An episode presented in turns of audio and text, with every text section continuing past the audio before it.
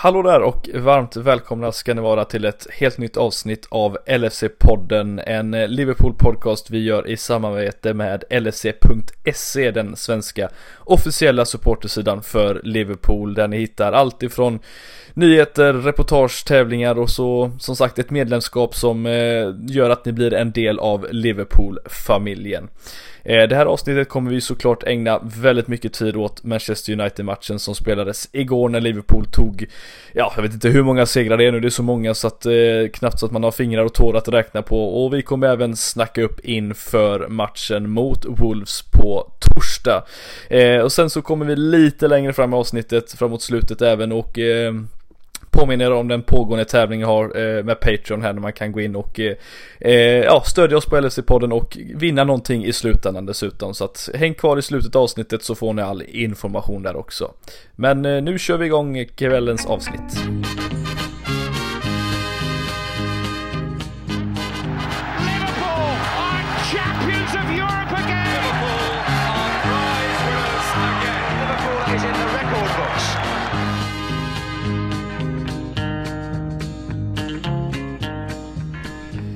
Yes, då är vi tillbaka med ett nytt avsnitt eh, och eh, det är inte vilket avsnitt som helst. Det är avsnittet dagen efter man har slått Manchester United. Det är låter ju alltid lika bra att säga det som sagt. Och det här avsnittet kommer ju som jag sa i introt handla väldigt mycket om den matchen, allt runt omkring. Och så ska vi även snacka upp inför matchen mot Wolves som sker på torsdag ska vi tillägga. Det är alltså inte en Europa League match utan det är en torsdag bara helt enkelt.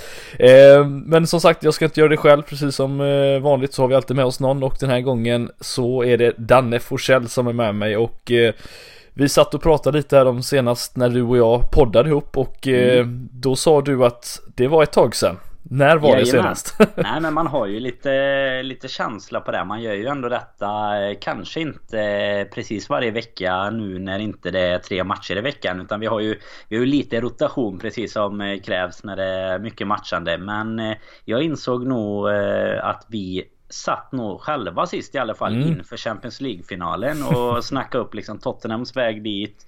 Eh, våran väg dit och eh, i efterhand kan vi säga att vi har tagit två ganska olika vägar efter den matchen också. Oh ja. Den eh, slutade på ett sätt eh, och laget som lyfte bucklan har fortsatt eh, segertåget och eh, Spurs har kickat sin tränare, tagit in en buss och ja det, det går sådär helt enkelt. Vilken väg föredrar du om man säger så då? Nej, men jag tycker väl att våran har varit ganska bra. Jag har ju inte jämfört. Den andra fick man ju känna på de här 6-7 åren eh, mm. som podden har varit igång innan här. Så att jag menar man har ju gjort den också även om vi Ja, Roy Hodgson är väl den eh, närmsta busschauffören vi har tagit in men eh, nej det... Jag föredrar nog att eh, inte prova på den andra vägen Eh, just nu i alla fall. Men var verkligen Roy Hodgson en busschaufför? Var inte han lite, har du varit på någon sån här eh, bussresa någon gång när man åkt till något fint ställe? Det är alltid någon som sitter och är reseledare, sitter vid stolen vid sidan om. Är inte han mer den personen snarare än han som kör bussen? The nicest man on the coach är han. Ja, han precis. står och berättar om eh, sevärdheterna som man, man flyger förbi. Ja, helt klart. Och så sitter ja. Mourinho med chaufförsmössan. Ja.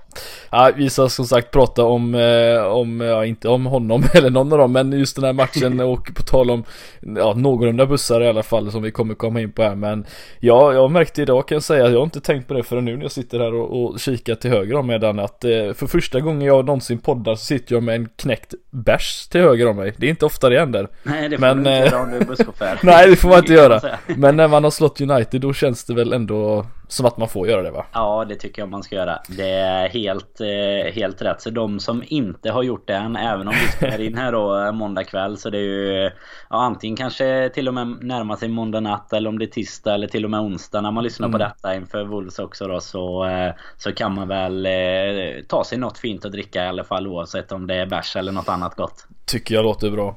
Hur eh, inför matchen Danne mot, eh, mot United så vi, vi, som sagt jag och Robin satt ju och, och pratade upp det lite. Han hade ju även Bojan med sig i det senaste avsnittet. Eh, liten, eh, ett litet extra avsnitt om man säger så. Eh, vi pratade om hur det här med att man, man ser ett spelschema eh, som vi då när man såg Spurs, eh, United och sen Wolves och tänker att klarar man de här matcherna så ser det väldigt bra ut och nu då med facit i hand Spurs slog vi eh, med, vad vi får säga då, nöd och näppe med tanke på vilka lägen de skapade. Men vi vann den. Och nu då som sagt den här matchen, eh, ytterligare ett statement från oss. Eh, vad har man att säga egentligen? Nej men det är precis som du säger. Det var väl det, det är väl nästan den perioden förutom kanske våra var allra nästan eh, då i slutet på säsongen har vi ju lite Arsenal och Chelsea och sådär eh, nära till hands. Men då, då eh, hoppas vi väl att vi kanske redan ska ha gjort klart den här dealen med ligapokalen egentligen. För som du säger, det var det någon gång det kändes som att vi kanske hade det lite tuffare på pappret i alla fall. Så var det ju de här matcherna. Sen har, alltså, sen har man ju inte haft den känslan inför, inför gårdagens match till exempel. Så var det inte så att man satt och var nervös att vi skulle tappa poäng. Så att det känns mer i alla fall för min del som att det är eh, på pappret eh, och faktiskt inte i verkligheten eller vad man ska kalla det då. För samma nu hade ju i och för sig, eh, du pratade ju bärs här, Storträff Syd var ju förra helgen inför Spurs-matchen. Så jag hade nog varit mer nervös om jag satt hemma. Men jag menar nu hade man man eh, svingas både en och annan kanna där nere så att man var ju, då är man ju rätt självsäker över att vi ska köra över ett Mourinho-lett Spurs. Så även om det kanske inte blev den överkörningen man hade hoppats på så, så seger som du säger. Nu har vi Wolves igen, vi har ju haft dem jag vet inte om du räknar matchen innan eller efter i, i det tuffa spelschemat där men det är ju, Nu har vi ju dem i alla fall eh, en gång till här och Ja men vi kan ju gå tillbaka väl... ännu tidigare egentligen skulle jag vilja ja. säga så här att Leicester borta Sen är det ju Wolves hemma, det är Sheffield hemma, inte heller en jättelätt Precis. match och sen så kommer de här matcherna Så att egentligen kan vi gå tillbaka redan till slutet av, eh, av december egentligen Ja, och ska du titta på schemat om man säger så, så är ju detta, alltså Wolves borta är ju en av de, eh, ja men absolut tuffare matcherna som vi, som vi har på en eh, ganska överskådlig framtid egentligen om du tar bort Atletico Madrid i Champions League då. Mm. Kanske Shrewsbury i FA-cupen med dålig koll eh, där faktiskt. Ja, ingen bra koll på de, dem tyvärr. De har ju eh, slagit ut ett Championship-lag i en liga upp där i i senaste matchen mm. så att det kanske blir tufft. Men nej men, men annars är det ju egentligen inte innan kanske ja, mitten på mars då när vi möter Everton igen som man liksom har på, på pappret som sagt något något lite tuffa, eller Everton är ju inte det på pappret men det är alltid det när vi möter dem. Det är lite som United som vi ska prata om här. Alltså det är ju det här matchen blir rätt isolerad kontra vad man ligger i ligan egentligen eh, när det är den här typen av matcher då. Mm. Men mm. Nej, vi diskuterade ju lite här innan. Jag eh, gillar ju inte att ta, ta liksom de orden i mun heller. Men det, det ska mycket till nu. Om inte vi ska... Jag, jag lyfter liksom inga pokaler i januari. Men som Robin skrev i, i sin fina krönika på lfc.se så är det ju någon gång... Är det någon gång man ska liksom få få vara lite optimistisk och, och sådär och känna den känslan så är det väl fasen nu. 16 mm. poäng före, en match mindre spelad. Inga, alltså ja, lättare matcher eh, än vad våra konkurrenter har sett till tabellpositioner och sådär så att eh, It's a good time to be a red som vi brukar säga nu för tiden. Det är knappt man kommer ihåg eh, de tiderna längre när man satt och våndade. Så det har man ju minsann gjort i ja. ja 28-29 år här innan nästan i sitt liv. Så att eh, nu, nu mår man. Så ja. är det. Ja, nej jag håller väl helt med skulle jag säga.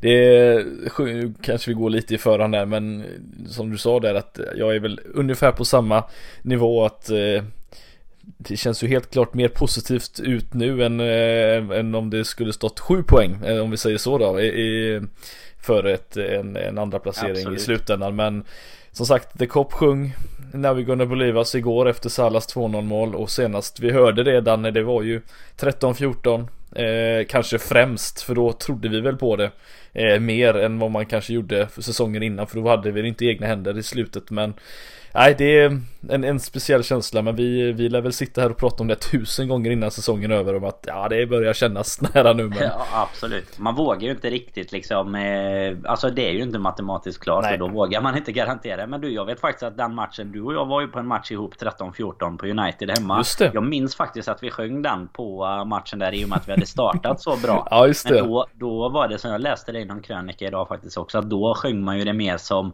Alltså hoppfullt eller du vet lite så här ja. ironiskt nästan. Inte, alltså vi ledde ju kanske, jag kommer inte ihåg om vi ledde ligan då, men vi hade i alla fall full pott så vi bör ju ha kunnat göra det.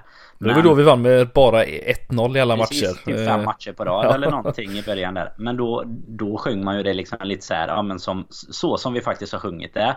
Eh, många gånger tidigare. Men nu, nu har det ju liksom hållit sig Ja, nu, nu har det ju liksom hållit sig så länge och nu kom den liksom. Eh, istället att vi har kört, eh, ja men Champions of the World har vi ju kört i någon månad nu liksom och ja, nu, nu kom det och det känns väl som att liksom hela Hela sättet mm. som, som matchen avslutades på igår blev någon sorts, även fast det egentligen inte hade behövt bli en sån urladdning som det blev. Men så blev det liksom så här ett förlösande 2-0 mål även om det hade blivit 1-0 om Alisson bara hade hållit bollen i 10 sekunder istället liksom. Men mm.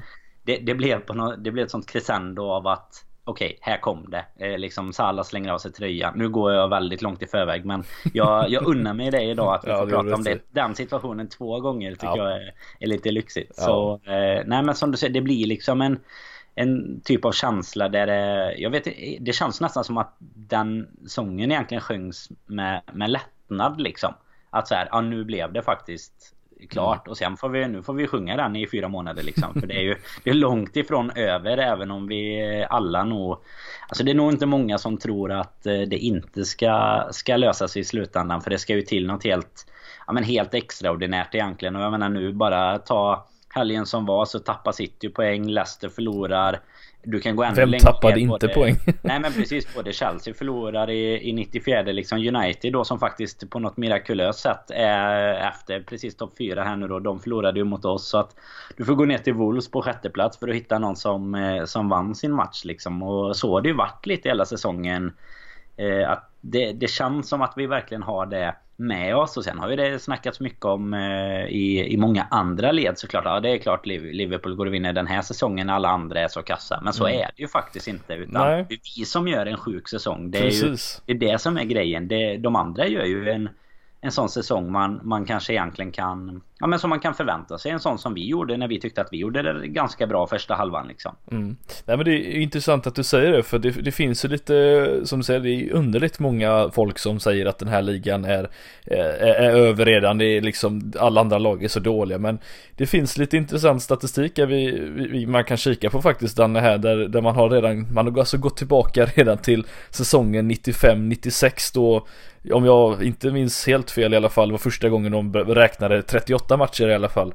Eh, och fram till eh, säsongen 18-19, det säga förra säsongen. Och eh, tar man de här topp 6 positionerna då som ska vara så jäkla dåliga då inom, eh, enligt alla människor som inte håller på Liverpool så snittpoängen, alltså en, en, serieledare har haft efter 22 matcher som vi nu har spelat, eh, ligger på 51 poäng och vi har 64. Vilket är helt sinnessjukt när man tänker efter. Eh, kollar man på position nummer två så snittar man ungefär 45 poäng och den här säsongen ligger de på 48. Vi säger att de är tre poäng bättre eh, den andra placeringen än vad man normalt sett brukar vara. Och lika så på position 3 som snittar 43 poäng men som nu ligger på 45. Så man kan alltså säga att ettan, tvåan, trean är bättre än vad de snittet brukar säga. Så att nej, man kanske inte ska säga att ligan är är ojämn och dålig utan det är vi som har varit helt enkelt alldeles för bra. Skulle man kunna säga så?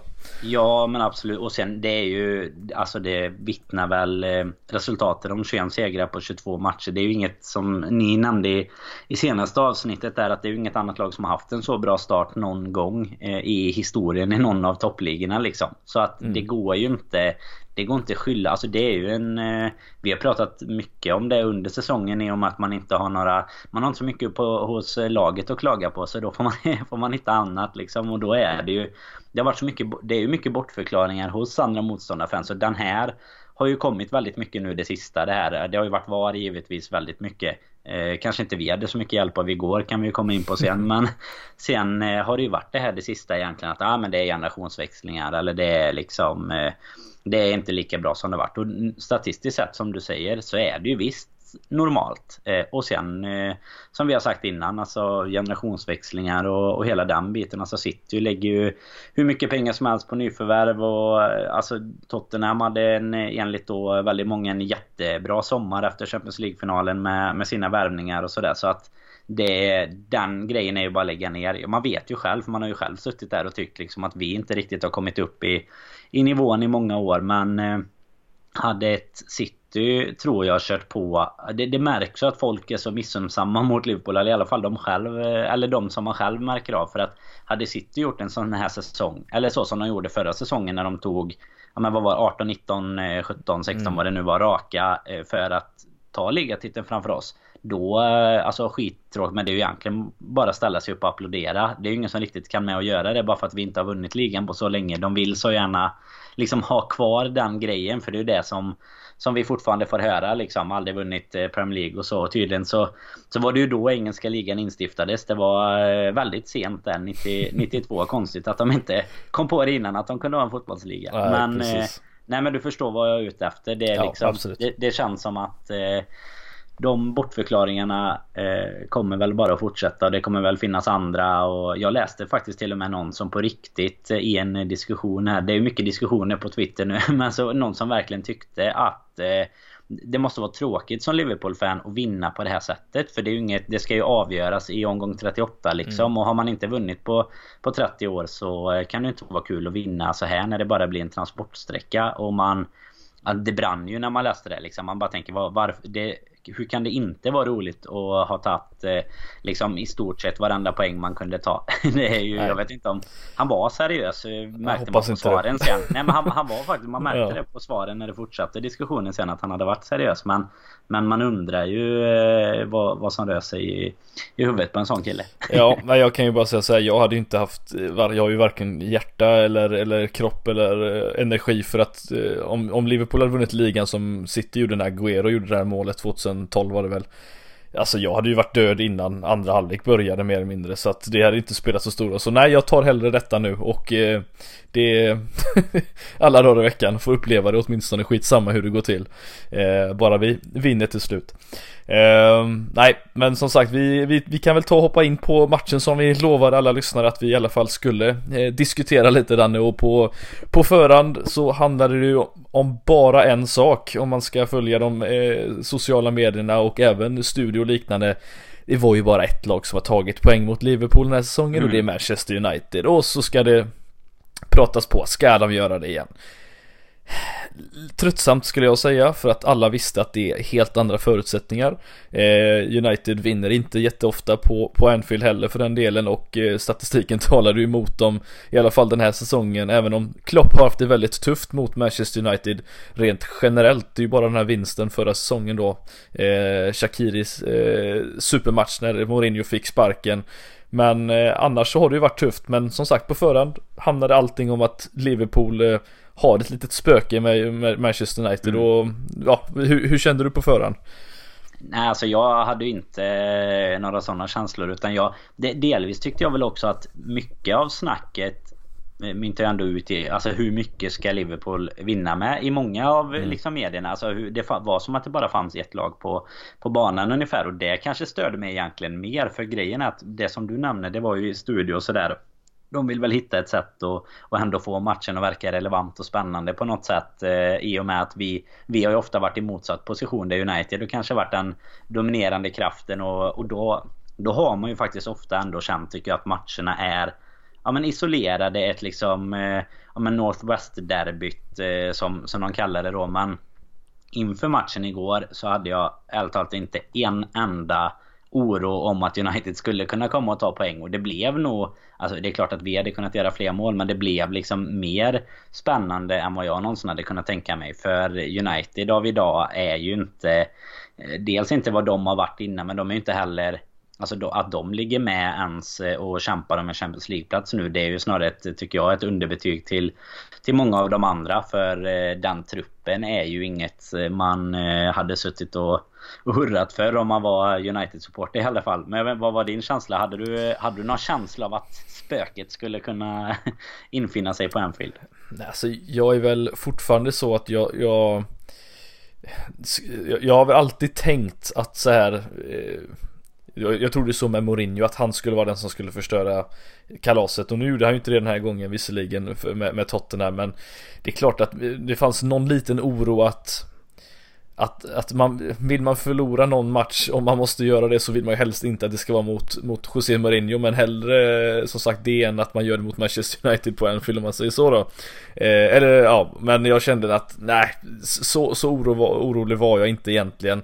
Eh, det handlar väl snarare om det här med att jag skiter i vilket lag som är på andra sidan. Jag vill bara se oss liksom ånga på eh, och ta de här poängen så att vi kan fira det tidigt eh, mm. i slutändan men eh, och, och den känslan byggdes väl lite upp lite bättre också när man såg att Marcus Rashford inte skulle vara med. Jag säger inte att han hade självmant vunnit matchen åt dem men det är ju såklart deras bästa spelare, deras farligaste målskytt eh, och bästa målskytt. Det, det hjälper ju lite såklart att, att han inte var med och jag tror att laget kände det redan på förhand att ja det här blir nog inte lika tufft för oss rent defensivt i alla fall men eh, som vanligt så det enda jag känner Danne på, på oro eh, på, på förhand det är väl mest det här med att det känns lite som att Liverpool tar de här matcherna lite som att framförallt som det, hur det var förra året på Old Trafford och även hur det var den här säsongen att vi, vi, vi faller i någon form av fälla av att, att vi, vi dras med av att det är en stormatch på det sättet och så presterar vi inte så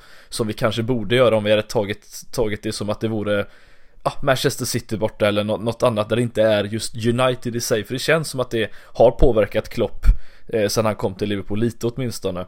Men eh, den här gången kände jag väl att första 10-15 minuterna innan målet kom i alla fall att Ja det såg nästan lite jobbigt ut. Det kändes som att vi inte riktigt fick igång det eh, spelet och mycket felpassning och liknande men sen kom i målet och därefter så rann det ju på ganska ordentligt om man säger så. Mm. Inte målmässigt men, men, allt annat.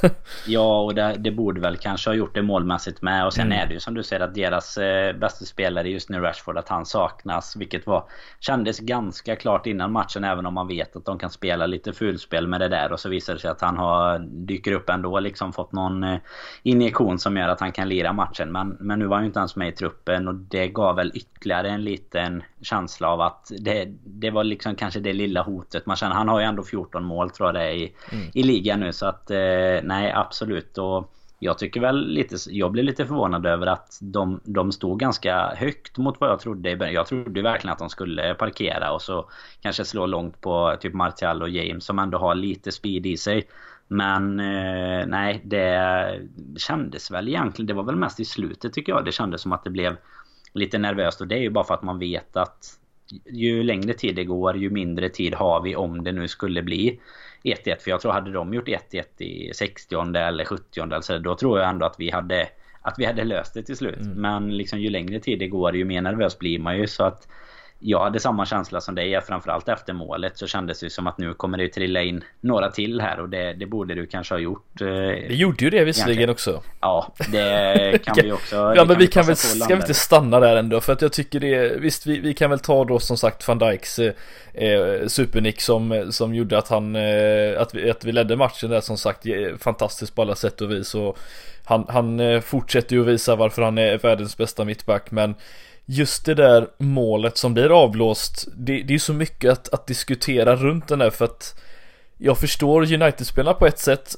eh, hur, hur de att de omringar domaren och blir arga för det såg ju fortfarande ut i realtid som att van Dijk hoppar in i honom men det gör han ju inte. Nej precis. Och det, det är en det... fair duell. Ja och jag kan säga direkt att jag tänkte att det kommer bli avblåst och frispark eh, också. Mm. Men däremot när, när först på som då släpper den Eh, han ser ju den Han har visslan i, i, alltså pipan i munnen ska vi tillägga Precis. men han blåser inte. Nej, det vilket innebär att han har ju sett den. Han, han låter ju spelet fortgå. Det blir mål. Då tycker jag ändå inte att det är rätt att de tar bort den. För det är inte så clear and obvious när du sitter och tittar på reprisen. Då är det snarare tycker jag en bekräftelse av att ja men Påsson kanske faktiskt gjorde rätt här. För det första är som du säger, jag tänkte samma sak att ja, van Dijk kommer ju ändå smygande och går in i en duell. Det gör han ju. Men det är inte så att han eh, sänker det sker på något sätt. Inga armar, ingenting. Så eh, nej, jag är förundrad över att de faktiskt väljer att ta bort det när de har chansen att eh, inte göra det i det fallet. Eh, det hade snarare varit om han blåste direkt. Ja, då hade det ju för sig inte fortsatt situationen så heller. Men säg att han hade blåst direkt och att van Dijk hade nickat in. Alltså, då hade jag tyckt att ja, det är ganska lätt för dem att, att bara godkänna domarens beslut. Men här går de ju ändå in och ja, drar över det liksom. Eh, det var väl Tierney som satt i, mm. i varummet, våran eh, gamla favorit. Det är Leif det säger man om alla för det är typ ingen man, ingen man har något förtroende för längre. Men eh, nej, och det var väl ganska klart att nu sitter man ju på de man själv ser i sociala medier och sånt. Det är väl Liverpool de flesta. Men även Viasat-studion till exempel sitter ju och pratar om att de inte tycker att det behöver vara någon frispark i det läget. Och inte ens Gary att, Neville tyckte att det var frispark. Nej, och då är det nog då är det, inte frispark. Då är det inte frispark. Då, nej, för då där har vi någon som, som i alla fall är färdig. Han och Carragher går ju åt varsitt håll där i i den eh, studion alltså. Men eh, nej, så att det är väl snarare en... Alltså just förvånad av att de väljer att ta bort det. För som sagt, hade han blåst direkt på som då hade jag inte tyckt att det var lika nej. konstigt. Alltså då hade det varit så okej, okay, eh, fine, ta den frisparken. Gör det enkelt för dig om man säger så. Men just att de går in och, och faktiskt eh, gör en overrule, det tyckte jag var lite konstigt. Jag vet inte, vad är din eh, take på hela den? Alltså, det, det som jag hade, hade helst velat se i sådana här situationer, om vi skiter att det är Liverpool som står på den ena sidan och United på den andra. Eh, när en sån här situation uppstår, uppstår så hade jag ju helst velat sett att, att VAR säger till honom i örat att du nu gav du mål här, men jag skulle nog vilja säga att gå du ut och kolla på den här monitorn och kolla om du är helt mm. säker på det. Och sen så väljer du det själv, alltså vi, vi, då, då, då står vi på din sida om du, om du tycker att det här är regelrätt. Men nu blir det att de går in och säger att nej, du har fel och så blåser vi frispark. Eh, Ungefär så hade jag velat se det och det som just är intressant här som det pratades om efter den här matchen också Eh, just i jämförelser det är ju att just att United har ju haft den här situationen tidigare under säsongen mot Everton på Precis. Old Trafford där, jag tror det är Calvert Lewin hoppar in med armbågen eller armen i de Gea som sen då blir eh, självmål på Lindelöf och det där är ju så typiskt eh, frispark det kan bli men där blir det ingenting trots att man har VAR och här blir det inget mål trots att man har varit där egentligen borde ha varit det. Så nej, det, det är konstigt och hade det målet skett så kan vi ju alla som sagt ganska lugnt säga att det hade ju troligtvis runnit på ännu fler eh, mål i slutändan än vad det blev, eh, för i alla fall tidigare under matchen. Ehm, men så blev det inte eh, och istället fick vi se ett ytterligare farmål Eller ett mål blåsas bort visserligen det är rätt så på Vinaldum trots att det var ett väldigt fint anfall får vi ändå säga Danne Fantastiskt anfall fin passning ja, från Oxlade otroligt mål egentligen. Det är ju med nöd och näppe. Alltså det, det är ju inget snack om att den är rätt när man tittar mm. Eh, på VAR. Så att domaren drar ju även flaggan. Men det är inte med mycket. Och eh, ja, vi får väl se vad, vad offside-reglerna ska säga i framtiden gällande. Nu drog ju han i och för sig flaggan som sagt. Men det är ju överkroppen. Han har lite framför där vid Naldum. Så eh, Nej det var synd. Men den, den kan man ju inte Den kan vi bara lägga till liksom till alla de som tycker att eh, VAR eh, förfördelar Liverpool. Då kan man liksom lägga till den i att vi faktiskt fick ett mål till bortdömd. Men Just eh, van Dijk situationen den jag, jag, tycker du är inne på rätt spår där. Alltså den är konsekvent Det blir inte konsekvent Nej. om man inte då inte dömer bort målet som Everton gjorde. De visade ju det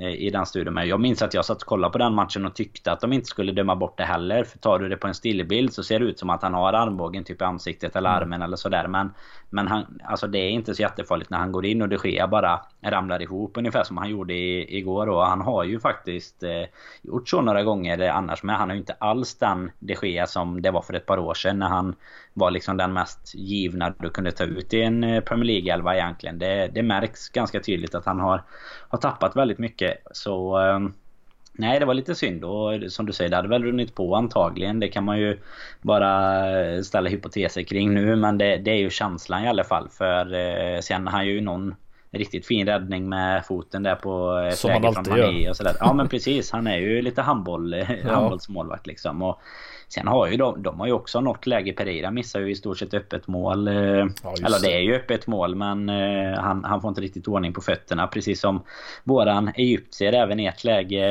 där också. Som jag vet att du eh, tyckte gott om.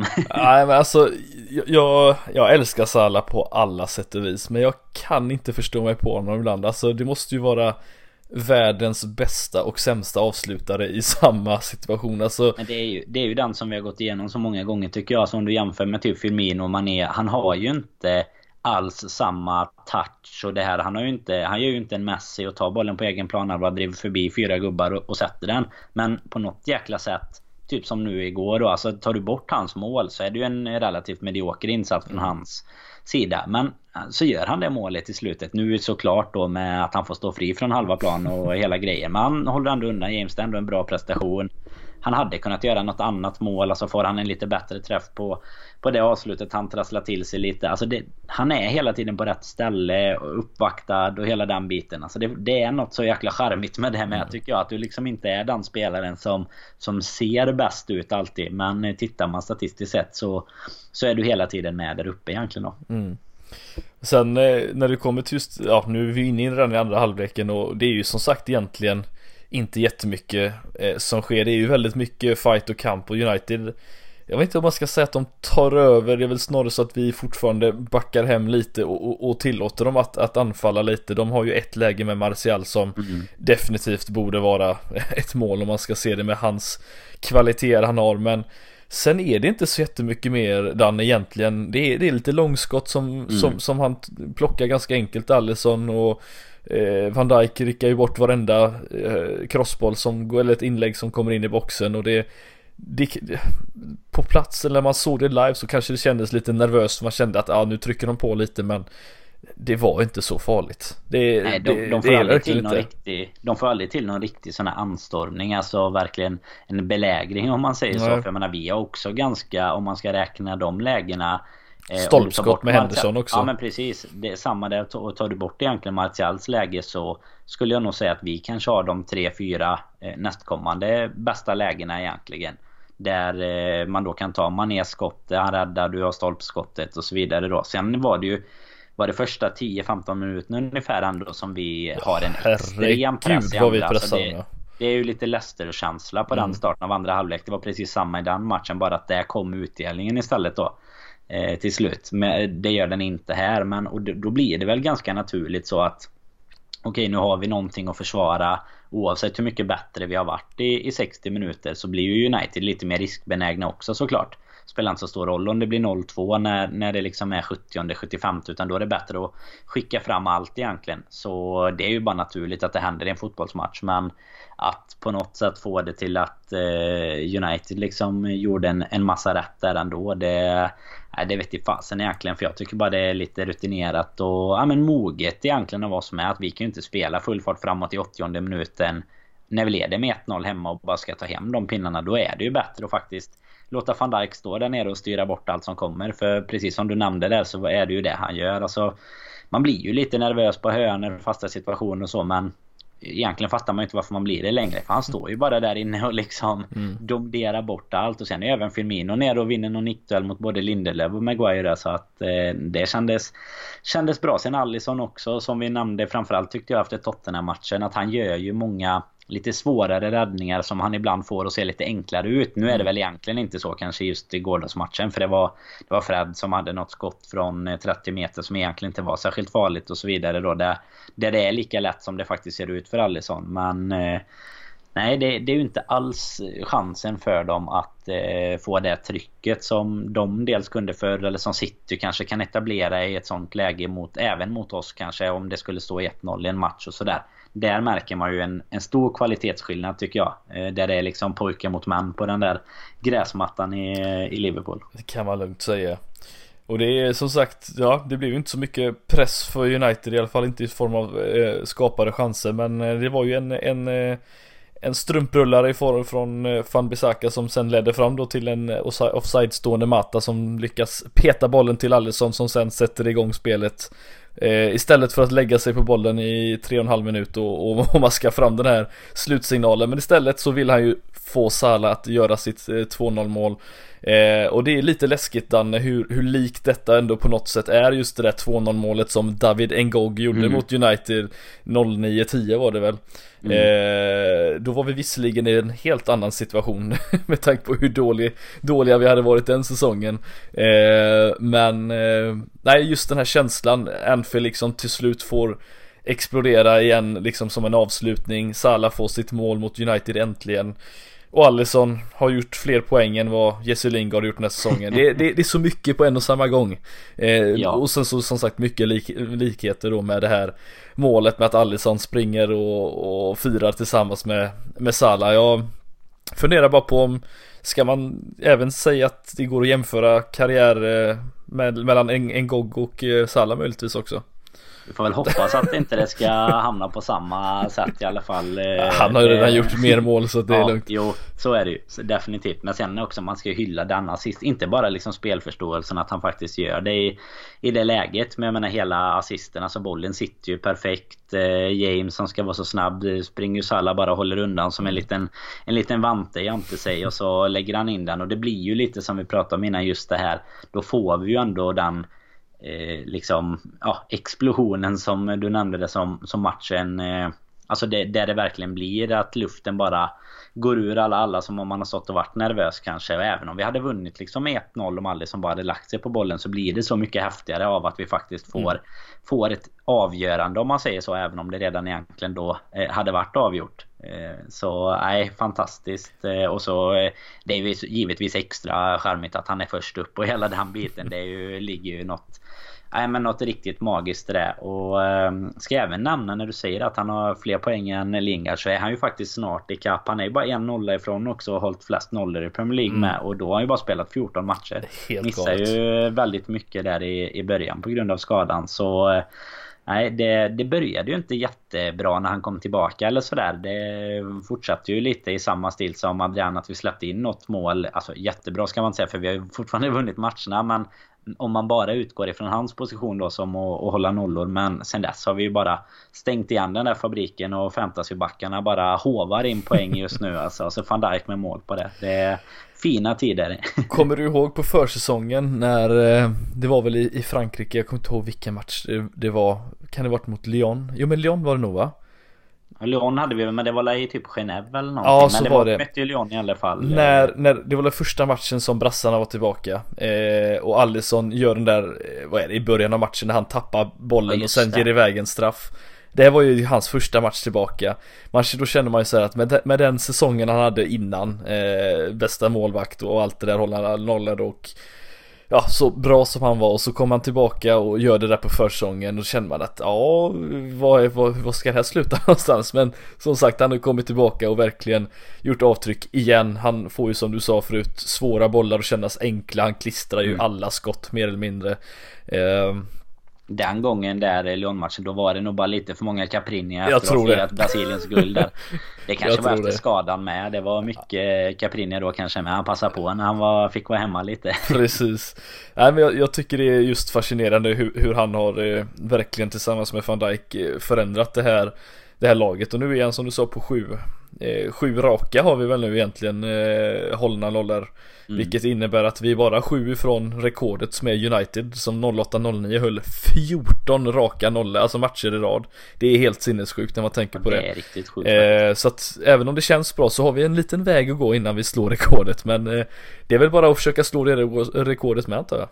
Ja, det är bara att fortsätta. Man, man vet knappt, man håller inte koll på alla rekord som Nej. slås här under, under tiden nu. Det är väl eh, det som eh, många givetvis börjar prata om nu när det när det börjar bli ett sånt glapp neråt. Det är ju hela den här Invincibles grejen med mm. Arsenal sådär. Men jag måste säga att eh, alltså det är klart att det hade varit jäkligt nice. Men det är ju ingen, alltså för min del så kunde det inte spela mindre roll om vi bara lyfter den jäkla ligan. Sen såklart får det gärna bli så också. Men liksom inte, det är knappt ens en, en prioritet eh, annat än att vi ska vinna ligan och då kanske göra det också eh, kan jag känna. Mm. Nej, du precis. kanske känner annorlunda som var en brorsa med Arsenal där. Det, det, är liksom lite så här. Han måste slå dem. Vi borde ju i och för sig slå de poängen oavsett. Men det är ju något visst i att ha gått en säsong såklart obesegrade. Även om de... Jag tror det var väl 11 kryss eller någonting. Ja. Så det är inte... Det är ju... Nej, det är klart att det är skitbra. Men det är ju ändå ganska många eh, kryss faktiskt. Ja, det är ju faktiskt det. De var ju ett fantastiskt lag. Men eh, jag skulle nog säga att eh, det här Liverpool-laget som vi har nu här. Det är... Alltså vi, vi, kan ju ta hur många poäng som helst egentligen. Alltså det är bara att kolla nu. Vad hade vi? 91 poäng av 93 möjliga de senaste. Ja 93 senaste poängen ja. har vi tagit 91 av dem åtminstone. Det är 30, eh, vi har väl 30 på precis. 30 på 31 liksom. På ja. rullande. Och då är det ju verkligen eh, raka matcher. Mm. Ska man ju inte ska man inte glömma. Det är helt... Nej, det är faktiskt helt sinnessjukt är det. Det går inte att säga något annat om det. Nej, nej det är ju som sagt, det, är ju bara kul som sagt. Jag kan tänka mig att, att en Guardiola exempelvis eh, för förra säsongen att eh, klart att han tyckte det var kul att vinna ligan men han eh, tyckte det var jättekul också såklart att slå, ta 100 poäng strecket där. Och jag kan tänka mig att Klopp innerst inne vill, han vill ju såklart bara vinna ligan, det, det är allting handlar om, det är ingenting annat. Men det är klart att det känns bra att veta att du har ju slått något form av rekord i en sån här tuff Absolut. liga men framförallt vilka konkurrenter du har. Så att eh, Jo men det är klart att eh, Det är klart att de vill göra det. Jag tror internt vill de ju säkert De vill ju vinna allt de kan och vinna alla matcher såklart. Men jag tror att hade man jämfört det nu pratar man verkligen så här utopiskt kring att eh, vi ska vara en dominerande kraft för all evighet. Men hade vi vunnit Säg om det går 10 år framåt och vi har vunnit sex ligatitlar då. Ja det är klart att då den sjätte gången så blir det ju ännu roligare om man säger så. Försöka även ta ett poängrekord eller bli invincibles. Alltså, typ som Guardiola då kanske nu eh, när han har några titlar kanske hellre vill Ja han vill ju vinna Champions League men om man tar det i ligan då så, så vill man även göra något ytterligare avtryck. Eh, men för Liverpool, alltså och Klopp, det är ju helgonförklarad. Bara, du hade ju kunnat vinna ligan på, på Leicester-viset liksom. Mm. Eh, och du kan liksom ta vad ska man säga, poängrekord i att ta, vinna ligan med flest antal, eller lägst antal poäng. Hade han kunnat göra och ändå bli helgonförklarad. Så för hans del så kan det säkert vara en egen målsättning om man säger så. Eh, mm. Och kunna göra något sånt. För det är klart att det hade byggt ett legacy på ett annat sätt kanske. Men att bara vinna ligan det är ju, det är ju grejen för honom och för truppen. Eh, och ska man gå på... Ska man spinna iväg lite på det här Invincible-spåret så är det väl så att... Skulle vi nu bibehålla den här formen och liksom avgöra ligan i eh, april säger vi. Och ponera att vi då är kvar i Champions League. Ja men då kanske inte vi kommer trötta ut våra absolut bästa spelare i en, eh, ja vad som egentligen då blir en betydelselös match sett till poängen i alla fall. Om det nu skulle vara så vill jag gärna lägga till det. Men, mm. men eh, i ett sånt läge då kanske man eh, luftar lite för att kunna hålla dem fräscha till en eventuell Champions League-match. Eller vad det nu kan vara. Nu går vi ju händelserna givetvis långt i förväg men du förstår vad jag menar. Ja. Det, det tror jag ju inte att så här Klopp offrar en semifinal på eh, Camp Nou som vi hade förra året för att eh, gå Invincibles mot eh, Wolves borta. Eller någonting Nej. sånt. Nej precis, Nej jag, jag håller med dig. Alla. det funkar ju att vinna över Barcelona ganska enkelt utan många ja, av våra stjärnor med. Så ja. vet inte, sätt ut Harvey Elliot på alla positioner hela tiden bara så vinner vi alla de här jävla turneringarna. Ja, ja nej det är det är helt klart. Det är ju känslan just nu. Det är så, vi, det är så Liverpool är just nu. Sätta ut kidsen mot Everton. Vi vinner det. Nu liksom, nej, det spelar ingen roll vad vi gör just nu. Det bara känns som att allt liksom går, går rätt hela tiden. Nu vet jag inte. Det är ju i och för sig en av de tuffare matcherna som vi nämnde här i början. Vi hade ju lite problem med Wolves. Eh, mm. Tyckte jag. Nu går jag... Kan, nej, vi är klara med United. Ja, jag jag tänkte egentligen bara ställa en snabb fråga. Om vi eh, säger att det, det blir sådär bra som vi hoppas liksom att eh, att, att, vi, att vi faktiskt går och vinner ligan. Är Salas 2-0 mål eh, om man liksom ska göra någon form av liksom dokumentär av detta här nu och, och försöka få få ord på detta och med några bilder som verkligen definierar den här säsongen. Skulle du säga att det 2-0 målet på något sätt är är det som, som det tydligaste exemplet på att där, där, där, där var det någonting som hände. Det var där det skedde liksom. Ja, delvis eh, känns det väl så. För vi liksom sitter och tappar ett sent mål. Eh, dagen efter går vi och slår United. Men på något sätt tycker jag ändå, alltså vi hade ju vunnit matchen mm. om Alisson bara hade lagt sig på bollen. Då kan jag ju tycka mer eh, till exempel Villa-matchen. Nu var ju den för tidig för att säga att ja, det var där och då vi vann ligan. Men ta en sån vändning samtidigt som City faktiskt har vänt. Alltså matcherna spelar samtidigt. De har, ja, de har tre poäng från oss. Ja precis och vi ska möta dem eh, omgången efter det va? Mm, jag tror det var något sånt eh, ja. Det var i alla fall så att de kunde på två omgångar ha gått förbi oss. Sen då de hinner vända sin match. Vi ligger fortfarande under. Vi vänder våran match. Håller poängen. Slår dem sen och helt plötsligt så är det liksom 12 poängs mm. skillnad mm. efter typ 5-6 omgångar till. Eh, så där tycker jag ju att jag förstår vad du är ute efter med Salas mål och lite den här jag, jag tycker mer det känns som att det kanske var där man faktiskt vågade säga att ja, men det här ska vara vårt nu. Mm. Det kan jag tycka. Och det kom på Salas mål. Även om vi hade vunnit matchen ändå. Så kom det av att liksom Okej, okay, den satt. Det exploderar. Han slänger av sig tröjan. Han har tränat mage i 40 raka dagar för att slänga av sig tröjan också. Jag var mer imponerad över den bringan han hade men ja. Ja, det är, vi ser olika. Vi, vi, man ser, ser vad man vill se. Ja men precis, det är väl lite så. Nej men hela, det blir ju en så. Och det här, we're gonna win the League. Alltså, now we're gonna believe us. Det blir hela den grejen. Där köper jag eh, vad du är inne på. Men jag tycker inte att situationen i sig egentligen är den avgörande. För det har vi så mycket annat. Du vet, du, den season reviewen, om vi vinner ligan, du kommer sitta och kolla på den. Det är liksom så daglig... Man ställer alltid klockan två timmar tidigare på morgonen för att sitta och kolla på den innan man går på jobb eller någonting. Mm. Det, då kommer man hitta nya saker. Det är som en bra, en bra film eller serie. Du vet, så bara du ser det en gång till så hittar du nya saker där det, där det avgjordes. Precis. Vi har ju sådär, vi har väldigt många 2-1 segrar och många tajta matcher där, där man tycker jag då kan ta ut sådana moment som Salas 2-0 mål men som givetvis nu då har varit lite för tidiga för att ja, för att kunna säga att det var där man kände att vi skulle vinna. Ja. Men eh, det kommer ju förhoppningsvis även en dag när vi kan säga att det var där vi vann den. Det finns ju många alternativ nu. Det är det mycket, det. mycket matte på Twitter. Det är Bylunds Excel-fil som är det närmsta vi kommer eh, den en, kommer ju Den kommer ju säljas på, på Ebay om den om vi vinner ligan. Det är jag ja, helt säker den, på. Jag vet att den redan, det ryktas om att det redan är eh, höga prislappar. Man håller hårt i den. Ja, det är, eh, släpp den aldrig säger jag bara. ja, nej, den är som sagt, vi tar väl och lägger ett litet lock på United-matchen, den enkla segern och eh, går vidare mot som du säger då faktiskt, eh, som jag skulle hålla med, en, en, en en tuff match. Nu eh, eh, säger ju inte, om man kollar, brukar ju prata om det här, de fem senaste mötena, men det är ju faktiskt bara två gånger de har varit i Premier League som vi har mm. eh, mött dem senast, annars var det ju 2012-2011 som var senast eh, och sådär då, men vi har ju faktiskt inte, vi är ju fem raka eh, vinster mot dem, eh, varav att vi har hållit nollan i alla förutom en, vilket var på Anfield 2011 och vem gjorde segermålet i den matchen, kommer du ihåg det? Oh nej, det är, eh, det ska jag inte ens fundera, tror jag inte.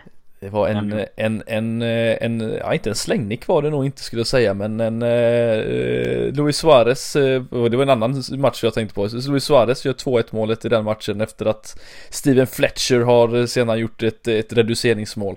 Eh, den är ett, helt, helt bortglömd. Helt bortglömd, ja. den är raderad. Ja, det var så länge sedan nu. Ja, nej men som sagt, Wolves borta. Eh, skulle du vilja gå så långt och säga att Wolves hemma som bara var för några veckor sedan eh, Att det är det bäst, ett av de bättre lagen om kanske inte det bästa prestationen mot just ett Liverpool på Anfield den här säsongen? Ja men det tycker jag samtidigt som, som jag tycker att det var den matchen som vi inte heller riktigt kom upp i standard sett till att vi hade haft ett helt sjukt schema. Vi hade varit i Qatar, vunnit VM. Alltså det var där det kändes som att alltså urladdningen kom på Boxing Day mot Leicester. Där gick vi på något sätt på att okej okay, detta är ändå ändå ett toppmöte om man säger så. Det är ändå ettan mot tvåan. Men sen tyckte jag det kändes som att mot eh, Wolves så kom lite den här tröttheten som man kanske faktiskt hade väntat sig redan mot Leicester egentligen. Eh, samtidigt som de gör en bra match givetvis. Och, eh, ja, lite blandning där kan jag väl mm. tycka. Men eh, det är också en typisk sån mästargrej att vi då faktiskt löser den. Och det är ju Wolves har ju sen den matchen, sen förlorade ju de mot Watford. De spelar lika mot Newcastle och eh, sen så blev det ju... Nu då, de låg ju under med 2-0 senaste omgången mot Southampton med. Och vände faktiskt till 3-2. Så de har ju haft det tufft ända. Om man tar med lite fa Cup där hann de ju åka ut mot United med emellan. Så att det var, det var ett tufft slag för dem. De hade ju precis slått City innan matchen mot oss där också. Så nu tillbaks på vinnarspåret. Men jag trodde faktiskt du skulle fråga om eh, Molyneux hade den bästa eh, showen inför matchen. Att det var det, att det var det frågan skulle komma kring. Det är, ja, ju jäkla, det är ju eh, något för Jocke Lundberg. Det är riktigt sån housefestival innan matchen där på Molyneux. Man fattar ju ingenting. Det bara blinkar och... Ja, vi kanske ska skicka honom dit någon gång.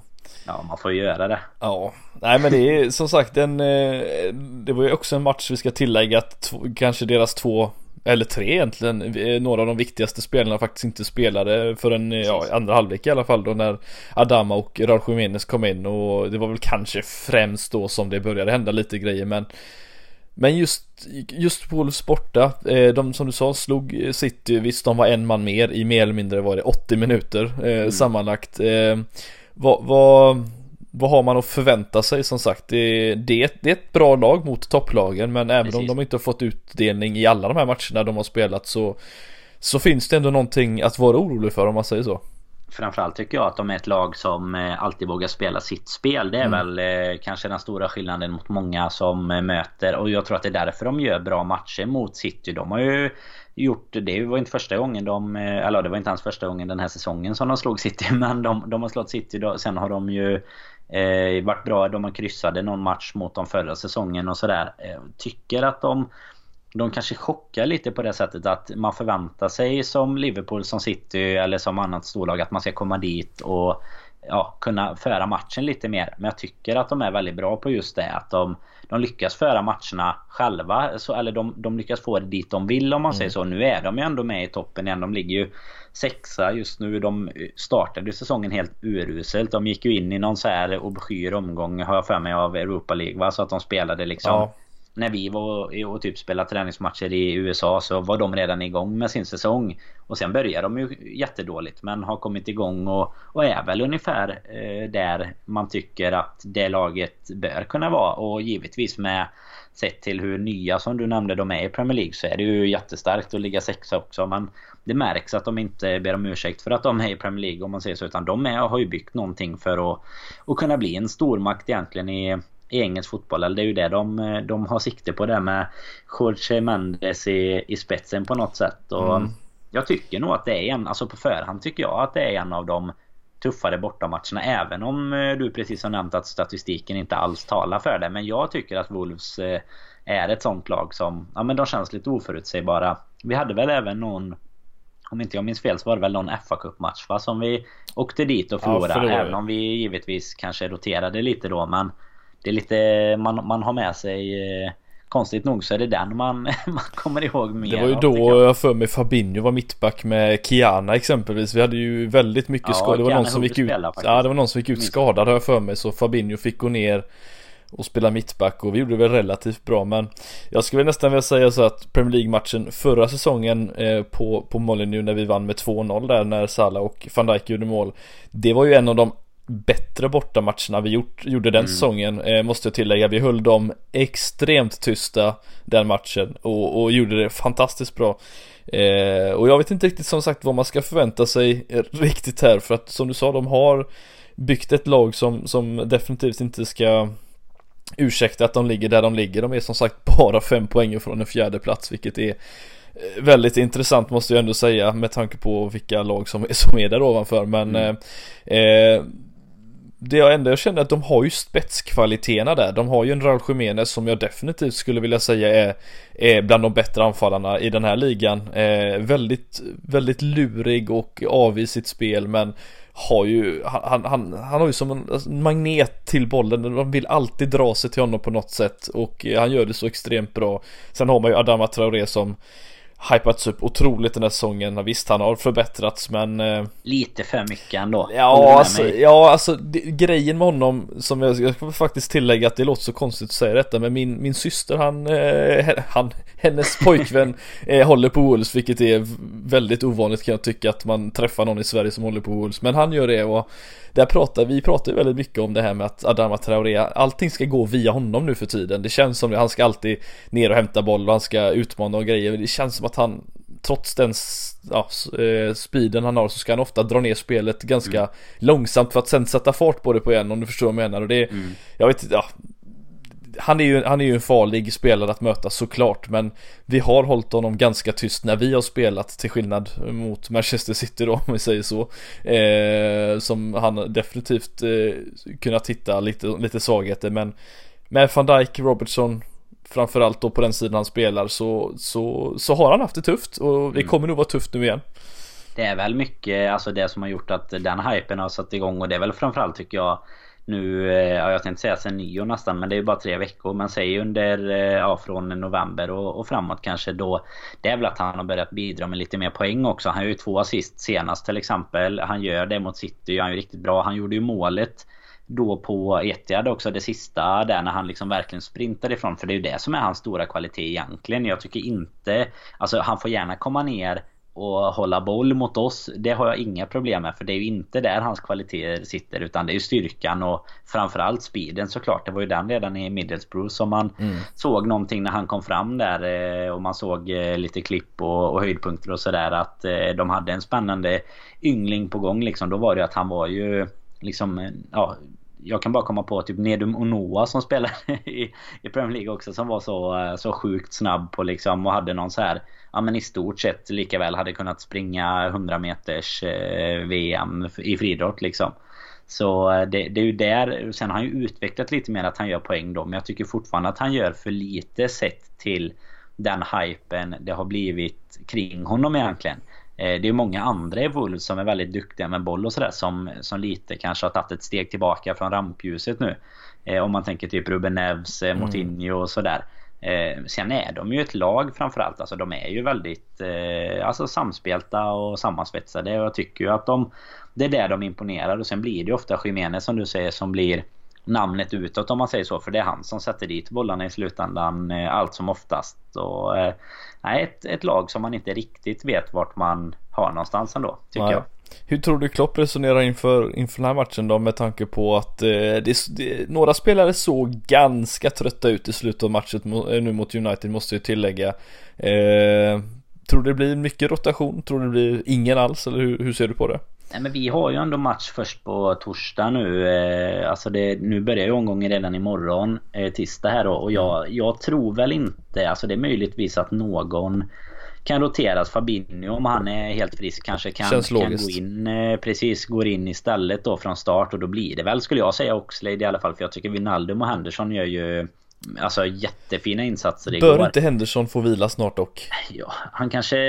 Egentligen kanske han behöver... Jag vet, jag FA-cupen kanske han inte spelar då istället. Nej, nej det För det blir till helgen nu också ska ja, vi tillägga. Ja, precis. Det är ju 26 sen. Det tror jag definitivt att vi kommer, kommer rotera. Nu kommer inte vi... Vi kan ju nämna att vi kommer inte gå in på den jättemycket nej. idag nu. För det kommer ett avsnitt efter Wolves som blir egentligen inför FA-cupen och West Ham antagligen sen också då. Men eh, där tycker jag att vi roterar helt jag menar gjorde vi det mot Everton i, i FA-cupen så kan vi göra det mot Shrewsbury också. Mm. Bortamatch dessutom då så Nej eh, jag tror nog att vi Att Fabinho i så fall blir den enda Ändringen faktiskt eh, Till eh, till nu. Jag vet inte, är det någon spelare som du känner sådär spontant som du tyckte såg extra trött ut? Är det Henderson eller vem? Eh, ja, vem Henderson du... tyckte jag såg eh, väldigt eh, sleten ut i andra halvlek framförallt och det Han har, han, visst han gjorde en, en bra match igår jag tyckte att det fanns andra som gjorde bättre ifrån sig exempelvis Wijnaldum tyckte jag höll en, en högre klass men han har sett lite, lite seg ut i knäna när han ska ta de här sista löpningarna han eh, jag vet inte om det är för att han, han, han är överallt på banan. Det är väl det som kanske är nackdelen ibland som en diff, där han har spelat defensiv mittfältare. Även om vi gjort det väldigt bra. Det är att han, han behöver inte vara överallt. För det är inte Fabinho när han spelar som defensiv mittfältare. Han är där han ska vara. Och han kanske tar lite mer löpningar än man borde göra. Men eh, jag, jag kände att han har sett väldigt trött ut. Eh, måste jag säga. Men han orkar ju ändå. Det, det, är ju det som är grejen med honom. Han, ja, han, han evighetsspelar liksom. Man hade ju då kunnat spela honom från start och så i så fall då om det, om det visar sig att han är... Ja, då har du Oxlade till exempel som mm. kan komma in efter, efter 60 minuter eller någonting. För jag tycker inte att han ska... Om inte han eh, själv har känningar. Så jag tycker att han har varit riktigt, riktigt bra det senaste. Och då...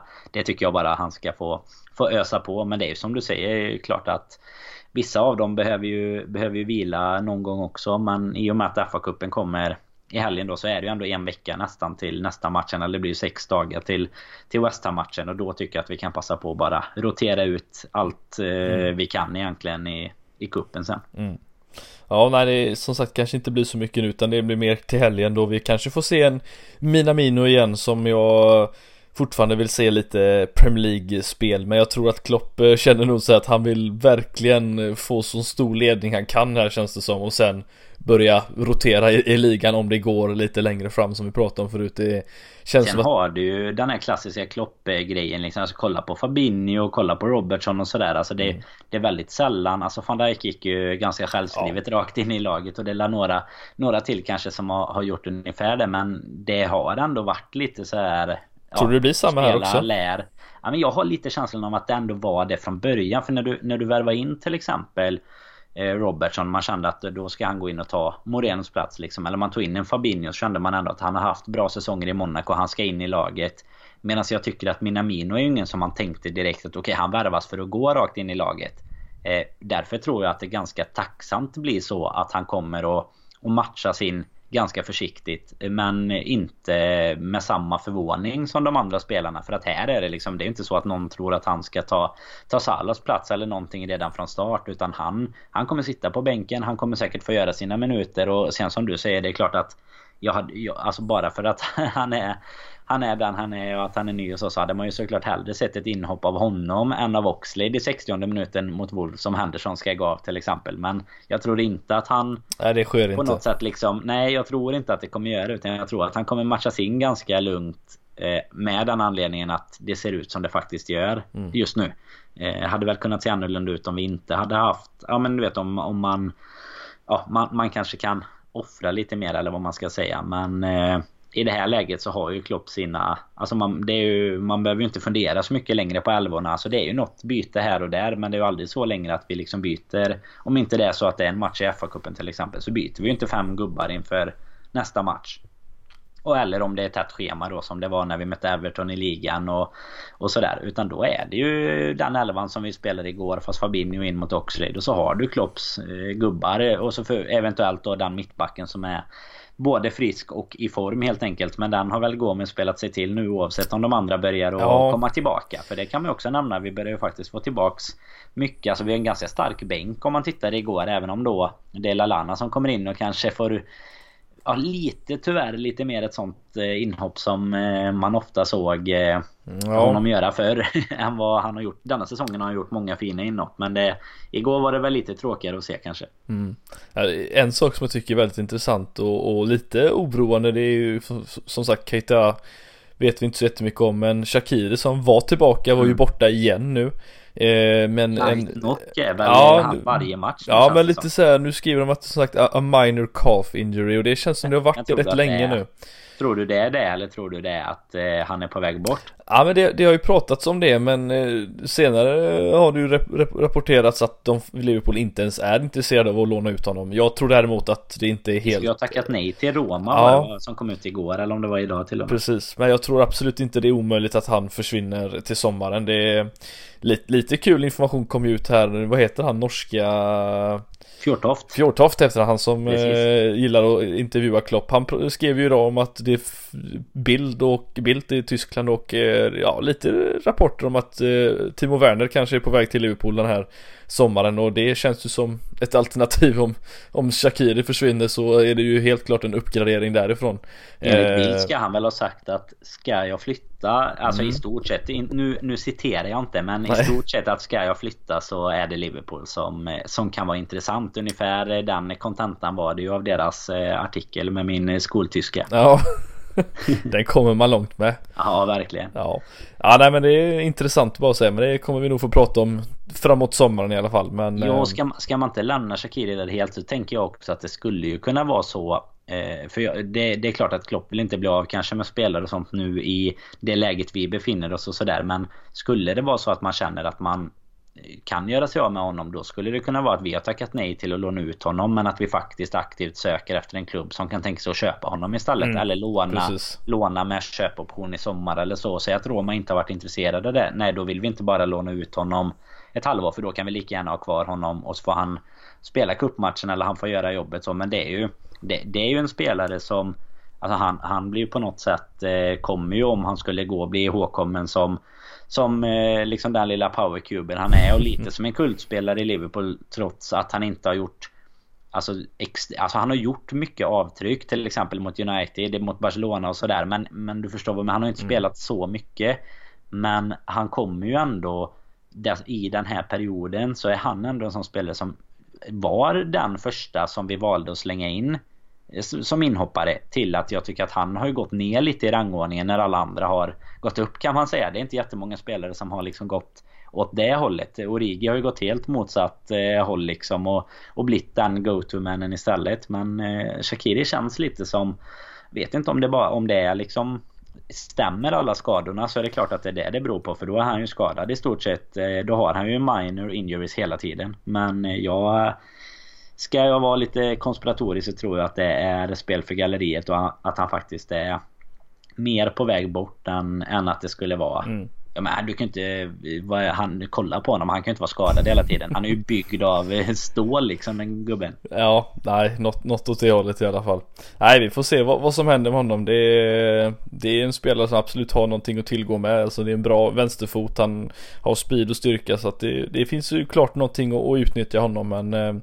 får se om det, om det håller sig längre heller om han är tillbaka redan till, till helgen som det pratas om här i FA-cupen möjligtvis. Men eh, det lär vi komma till lite längre fram. Men eh, mm. om du fick eh, sätta ett, ditt orakeltips här nu på, på matchen mot Wolves. Hur, hur slutar den matchen?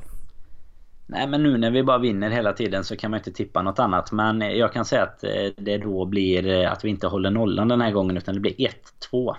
Oh. Ja det låter, tycker jag ändå ganska rimligt. Wolves är, är ett tufft lag att möta så jag Jag, jag säger nog att det blir faktiskt ett kryss den här gången. Oj, oj, Jag oj. tror, jag tror på 1-1. Ja, det är, jag säger inte att det är orimligt men nu så mycket som vi vinner så är det bara att köra på här känner jag. Ja. Eh, vi kan också nämna en liten intressant fakta här. Nu, nu kommer det som sagt någon mer podd inför, inför West Ham. Men sitter man inte med i expertpanelen den gången så kanske man inte får möjlighet att nämna det. Men det är ju faktiskt så som man själv kan räkna ut då, att slår vi West Ham så har vi slått alla lag den här säsongen. Mm. Och då kommer vi för första gången ha gjort det. Vi har inte gjort det den här gången. Eller det är ju inte så många som har gjort kan man ju säga. Precis. Men det är en ganska mäktig, på tal om olika rekord och sånt man kan passera under vägen. Så är det en ganska, en ganska häftig grej. Och vi har ju faktiskt två chanser att slå West Ham dessutom. Så kan man ju inte, inte glömma. Men det kommer ju igen först nästa vecka. Precis. Ja, nej det är som sagt, jag sa ett kryss, du som vinst, jag ser ju hellre en vinst men jag vet jag har en känsla av att det, det, jag, jag har en känsla av att det, att Wolves kommer ställa till med lite problem här. Det, det, det är min känsla spontant men eh, nej jag ser gärna att de hållna nollorna håller, är intakta och att vi slår, slår van der Sars rekord på 14 hållna lo- nollor i rad men eh, det, det blir tufft, det blir tufft. Om du ska få innan vi eh, gör en slutkläm här. Om du ska få en liten bonusfråga av mig nu. Mm. Tror du om vi skulle kryssa. Tror du att vi då kommer att tappa någonting i vårat försprång? City har ju Sheffield United borta. Leicester och West Ham hemma men de har ju som sagt ju några poäng. Ja det skulle väl vara på eh, målskillnad de. Nej det går de inte förbi City heller. Nej, Så nej jag, jag, jag tror att att tappar vi po- poäng då, då, då, tar de, då knappar de in lite, det tror jag. De spelar ju först också. I, Mm. De spelar ju faktiskt redan imorgon tror jag det var. Så att eh, har vi match på torsdag sen. Ja just det. Ja nej vi får se men jag, ja, jag vet inte. Jag, Det blir Sheffield 3-0 och vi vinner med 2-1 och så eh, sjunger vi Now we're gonna believe us. Precis. Den eh, spikar vi. taget. Ja nej men det blir bra Danne. Vi, eh, vi tar väl och eh, efter en drygt timme här och, och tackar för oss kan jag tycka. Eh, vi har fått med det mesta känns det som och lite därtill.